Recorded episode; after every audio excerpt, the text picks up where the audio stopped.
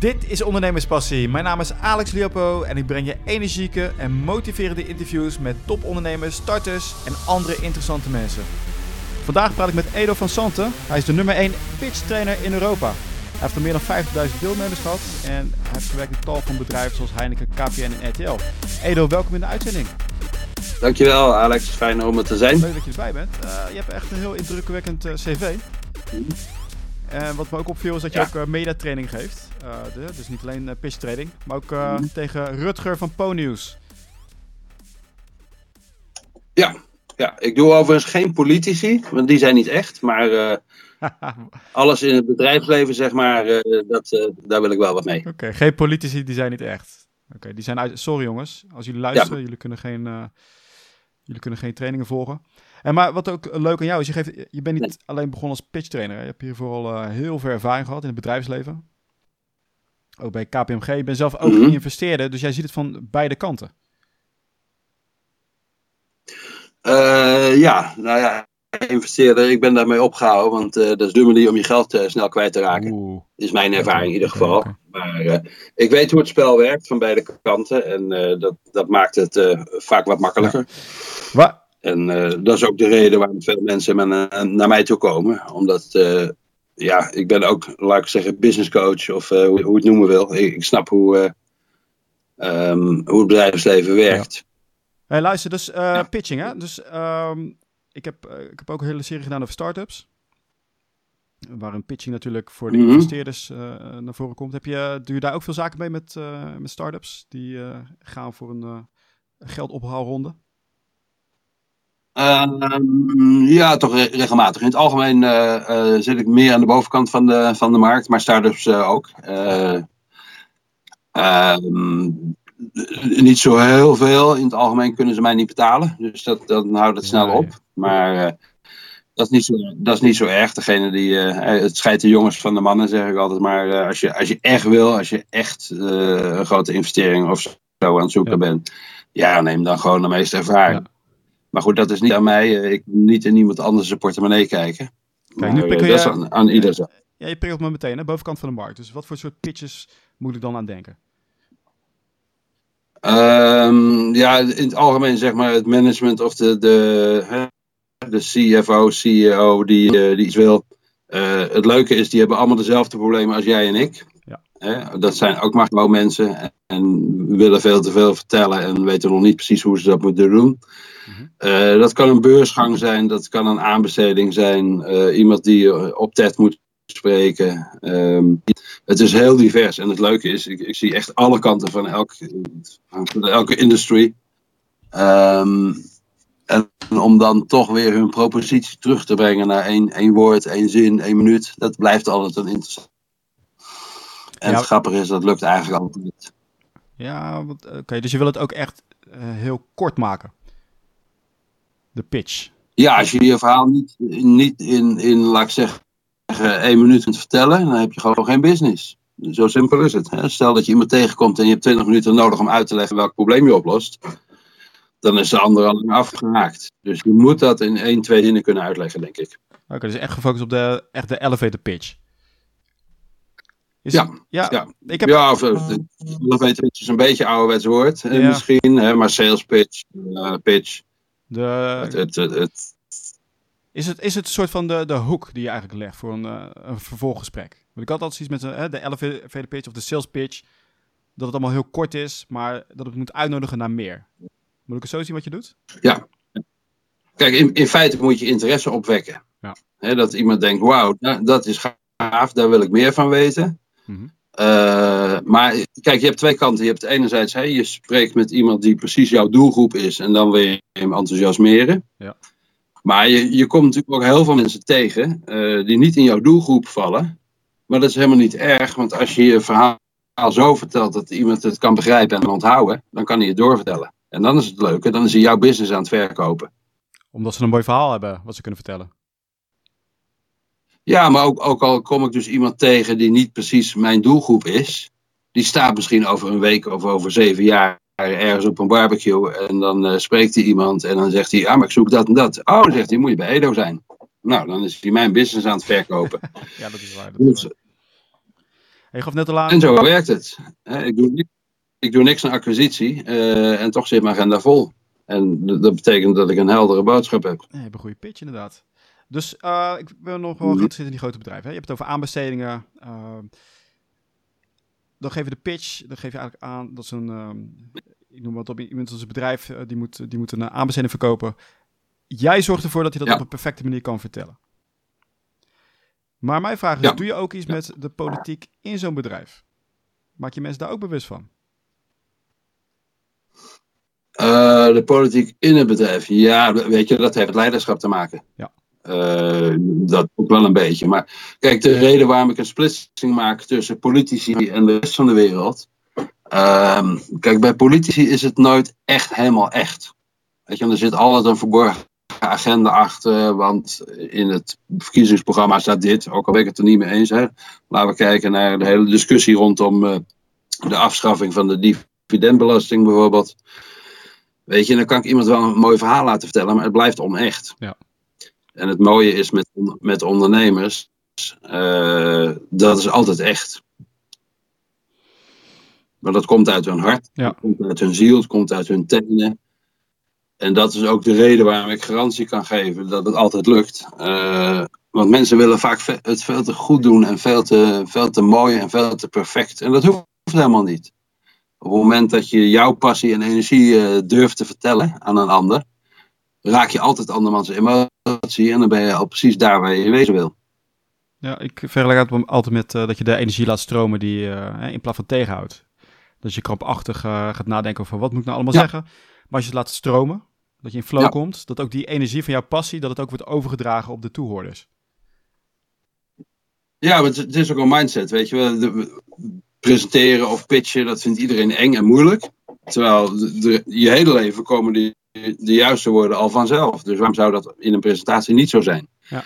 Dus op het moment dat je echt vanuit je hart jezelf durft te zijn, is het altijd goed. En het leuke is, je publiek weet niet uh, wat je allemaal niet vertelt. En zolang je een consistent verhaal hebt, missen ze de rest dus ook niet. En dat betekent dat je perfectie los kunt laten en gewoon echt vanuit je energie kan gaan praten. En dan is het altijd goed. Nou, en dat drempeltje, dat slecht ik met mijn, uh, met mijn klant. Okay. Kun je een uh, tipje van het sluier oplichten van hoe krijg je dat los bij mensen? Dat ze niet meer uit de verkramping gaan uh, opereren? Um, eigenlijk, en dat, um, hoe ik dat doe, weet ik niet. Want dan zou ik het, um, weet je, dan zou ik het in een script kunnen zetten. Maar eigenlijk komt het erop neer dat als ik zeg dat ze het kunnen, dan kunnen ze het. En dat is natuurlijk een kwestie van hè, uh, um, met elkaar gaan werken en kijken waar je drempels uh, zitten. En um, op het moment dat ze geloven dat ze het kunnen, kunnen ze het. Hè, het is alleen maar die angst, het is alleen maar de mindset dat het moeilijk is. Ja. Net als nu, hè, we zijn nu aan het praten en dan stel ik misschien een vraag of jij stelt een vraag en dan zeg ik ook niet, nou, wacht even, geef mij drie kwartier en dan ga ik het even voorbereiden, dan ga ik het uitwerken. Nee, dan geven we gewoon antwoord tegen elkaar. Ja. En een pitch is dus, eh, of een presentatie is dus niet alleen maar hè, puur zenden, maar het is gewoon hey, voelen waar de lichte energie in de zaal, hè, hoe voelt dit. Uh, hè, dus je hebt allerlei verschillende stiltes. En je kan een hele ijskoude stilte hebben en dan denk je, oh ik heb wat verkeerd gedaan. Of mensen zitten op het puntje van een stoel en uh, raken geïnspireerd. Ja. En op het moment dat je dat spelletje snapt, dat het dus gewoon, um, eigenlijk is het gewoon een communicatie met iemand anders, niks meer, niks minder, uh, is dat enge er ook een beetje af. Nou, daar help ik mensen bij. En, en um, dat is ook de reden waarom ik garantie geef. Want iedereen kan dat. Iedereen heeft passie en energie. En je hoeft alleen maar die angst weg te halen. En het probleem is opgelost. Ja, ik snap wel. Dus vanuit, dat lukt altijd. Vanuit jouw zekerheid kan je mensen aangeven, joh, je kan het. En die voelen jouw energie weer. Dus je doet hetzelfde. Ja. Ja, dat is jouw pitch naar die mensen toe. Dus die, dat, die absorberen dat. Mm -hmm. En je herkadert hun ja. denkpatroon. Over hoe zij bijvoorbeeld uh, een gespannen blik kunnen interpreteren. Of een houding. En dat zij meer in controle ja. zijn van wat er gebeurt eigenlijk. Bijvoorbeeld. Ja. Plus je moet natuurlijk ook, ook begrijpen. Hè? Stel iemand zit, uh, je bent een presentatie aan het houden. En dan zit iemand met zijn ogen dicht, uh, handen voor zijn, voor zijn gezicht gevouwen. Is hij nou in slaap gevallen? Of vindt hij het niet interessant? Nee, waarschijnlijk is het een hoorde. Oftewel, die is heel erg geconcentreerd aan het luisteren. Juist. En uh, op het moment dat je dat soort angsten los kunt laten en ook begrijpt en los kunt laten, dan kan je weer gewoon praten zoals je altijd deed. En natuurlijk moet je een ander energieniveau hebben, een ander, ander level. Maar iedereen kan dat. Daar ben ik, ben ik van overtuigd. En ik heb zoveel mensen getraind. En ik heb tot nu toe één keer gehad dat iemand zegt: Nou, Edo, dit gaat hem niet worden. Nou, prima, krijgt hij geen factuur. Eentje maar. Uh, heb ik een middag. Het is één, keer gebeurd. En eerlijk gezegd, ik denk dat hij er niet klaar voor was. Dat er een heel ander probleem achter lag. Maar dat geeft niet, weet je. Als ik één keer iemand, niet iemand zijn coach ben, is het ook oké. Ja, ja, ja. Oké, dus uh, in hoeverre blijft het allemaal hangen bij mensen als ze eenmaal bij jou zijn geweest, hebben die pitch uh, gedaan? Mm -hmm. Heb je nou idee over dat het, um, blijft, ik, dat het blijvend is? Ja, ik zeg, dit is een life-changing experience. Uh, kijk, als je eenmaal snapt hoe communicatie echt werkt, kan je het altijd op ieder onderwerp, op ieder moment, zonder voorbereiding. Uh, we hebben het eigenlijk nooit geleerd. Hè? Kijk, als je een, uh, laat ik zeggen, je, zoekt, je leest een onderzoeksrapport of een, of een, een businessplan. Ja. Nou, hoe ziet dat eruit? Het begint met een inleiding, het begint met een aanleiding, dan een probleemstelling, probleemanalyse, uh, mogelijke oplossingsrichtingen, onderbouwing, conclusie, aanbevelingen, financiële onderbouwing, noem maar op. Nou, dat is allemaal ongelooflijk saai. Ja. Terwijl als je begint met, nou, we hebben nou iets moois, ontdekt, waardoor onze business 30% eh, beter loopt, ik noem maar wat. De hoek. Uh, dan leest het, hele, leest het hele spel heel anders. Ja, toch blijf, blijft dat zo gedaan worden. Oké. Okay. Dus, het heeft meer te maken met hoe. Uh, ja, wat, wat, niet... wat, vinden mensen leuk om te horen? Ja. Heel, ja. ja, je kijkt, als jij niet kunt uitleggen welk probleem van een ander je oplost, heb je gewoon geen business. Zo simpel is het. Ja. Um, en, en weet je, ik kan natuurlijk drie kwartier of drie uur vertellen over wie ik ben en wat ik doe en uh, um, hoe goed ik ben en welke methoden en technieken ik allemaal hanteer. Niemand interesseert dat, hè, want die wil weten wat heb ik eraan. Juist. Dus ik moet mijn propositie vertalen in een voordeel voor een ander. Ja. En dat kan in een halve zin bij wijze van spreken. Oké, heb je wel eens dat ze, dat, dan, dat ze denken van, is het zo kort? Is dat alles? Ja. ja. Ik heb een keer gehad. Uh, er was een softwarebedrijf die hadden een hele ingewikkelde oplossing voor een heel ingewikkeld probleem. En uh, hadden letterlijk een half uur nodig om mij uit te leggen uh, wat hun oplossing was. Nou kom ik uit de IT oorspronkelijk, dus ik snap het een beetje. En uiteindelijk hebben we dat terug, teruggebracht naar twee zinnen. Meen je? En een week later moeten ze, uh, moeten ze pitchen voor een investeerder. En ik krijg een, een appje van, we hebben hem. Weet je, dat, en dan hebben ze drie jaar lopen zoeken naar investeringen. Ja. Um, maar elke investeerder haakt af van die snapt het probleem niet eens. Of de oplossing niet eens. En, uh, maar als je dat wel helder kunt maken, dan. Uh, maar kijk maar ook naar een website. Hoeveel websites zijn er niet waarbij, als je goed kijkt, het eigenlijk niet eens duidelijk is welk probleem ze oplossen of welke uh, product ze hebben? Ja, ja, ja. Dat, hè, ook daardoor, what's in it for me, wat heb ik eraan, moet ook op je website staan, boven de vouw, voordat je gaat, uh, gaat scrollen. Als het heel duidelijk, uh, nou laat ik maar zeggen, uh, hou je ook bezig met om mensen duidelijk te maken dat ze überhaupt een probleem hebben? Of gaan krijgen? Uh, ja, soms wel. Kijk, je krijgt wel eens aanvragen, weet je, waarvan waarvan je onmiddellijk al voelt, en dat klopt ook altijd, dat de vraag die ze stellen eigenlijk helemaal niet het probleem is. Uh, ik had een keer een, uh, een, partij die zei: Kan je ons helpen bij het ontwikkelen van een franchise-formule? Ik zeg: Prima, ik kom wel kijken. En à la seconde voel je dus dat er een heel ander probleem is. Want dat zijn drie, uh, groot, of de, drie gepassioneerde ondernemers. Nou, die kunnen echt wel zelf verzinnen hoe ze een franchise-formule uh, in elkaar moeten sleutelen. En ik zit daar aan tafel en na een minuut zeg ik, volgens mij hebben jullie gewoon slaande ruzie met elkaar. Ah, oké.